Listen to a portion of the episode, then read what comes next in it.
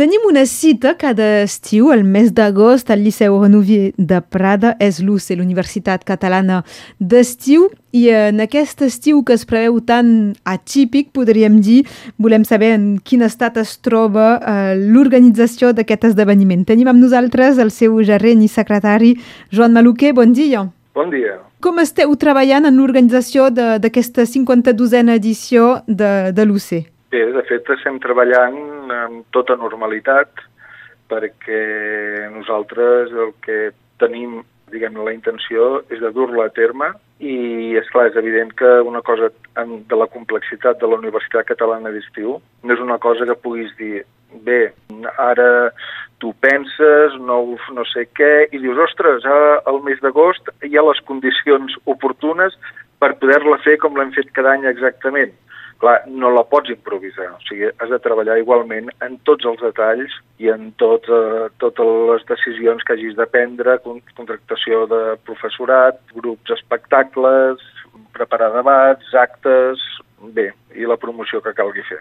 Doncs eh, avui en dia, a nivell d'organització, és eh, com cada any, podríem dir, però en, en què us fixeu que podria ser diferent? Es parla, evidentment, de distanciació social. Veiem les escoles on hi ha el terç del, dels alumnes.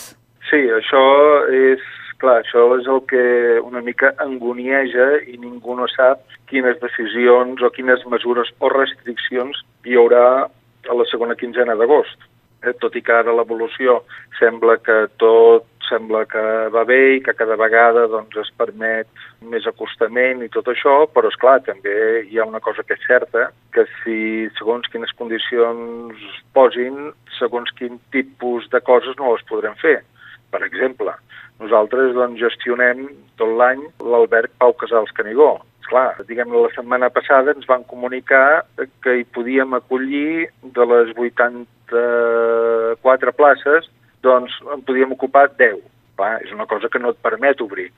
Per 10 persones no pots obrir. I aleshores dius que, per exemple, això, doncs, quan arribi el mes d'agost, quines restriccions hi haurà? No les sabem, no? Però vull dir, tot sembla que, que anirà millor, però malgrat tot ho hem, ho hem de tenir a punt. També a ningú no escapa, clar, que, que nosaltres no som la direcció del Liceu Renovier, és a dir, les instal·lacions on habitualment doncs, sembla, de sempre fem la Universitat Catalana d'Estiu.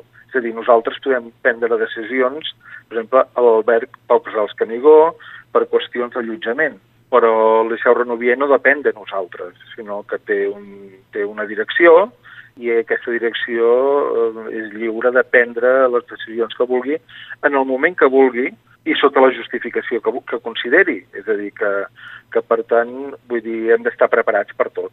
Perquè comença el 16 d'agost, les dates seria del 16 al 23 i el 10 d'agost podrien dir i finalment no, si hi ha un repic, alguna notícia en aquest sentit. Bueno, no, no, no eh, suposo que el 10 d'agost ja, ja ho tindríem coll avall, però vull dir, ara, doncs clar, quan anéssim fent les gestions per tancar els temes, perquè, és clar també cal veure que una cosa són les instal·lacions i l'altra el personal que hi treballa. No el nostre, sinó el que posa la, les, el Consell Municipal a través de la Societat d'Economia Mixta, no? que són els menjadors i tot això. És clar, ja ens diran, suposo que el municipi ja arribarà un acord, amb, ja, ja tindrà una relació amb la direcció del Liceu Renovier, a la qual nosaltres no tenim un accés directe, eh, perquè no tractem directament, sinó indirectament, i ens diran quins són els plans de la direcció del Liceu Renovier.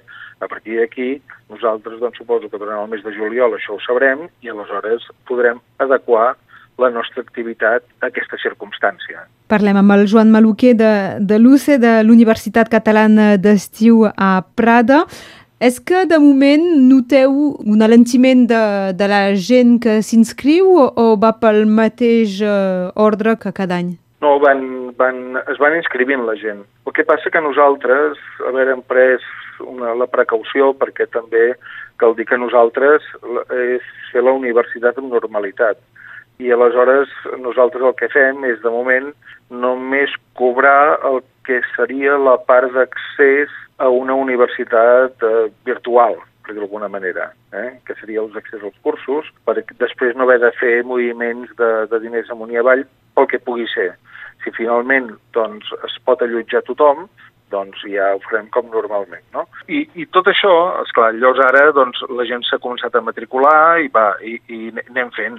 Evidentment, són unes circumstàncies estranyes, eh? tampoc eh, la nostra capacitat de moure'ns, doncs ja, o sigui, fa molt poc que hem començat eh, individualment a difondre cursos, és a dir, perquè ara, si, si eh, abans el que fèiem era doncs difondíem tota la universitat en conjunt i ara el que anem fent és, a mesura que es van tancant els ponents de cada àrea, doncs eh, fem una publicitat específica que pugui interessar un públic específic, no? I aleshores ho anem movent d'aquesta manera. I, però va, hi ha matrícules, eh? Evidentment, no n'hi ha com altres anys, de moment, però tampoc és que no hem posat el peu a l'accelerador, per dir d'alguna manera. D'acord. Però hi ha, doncs, un, un pla B que podria ser una universitat menys presencial i més virtual, amb assegurant el, els actes, encara que sigui a distància.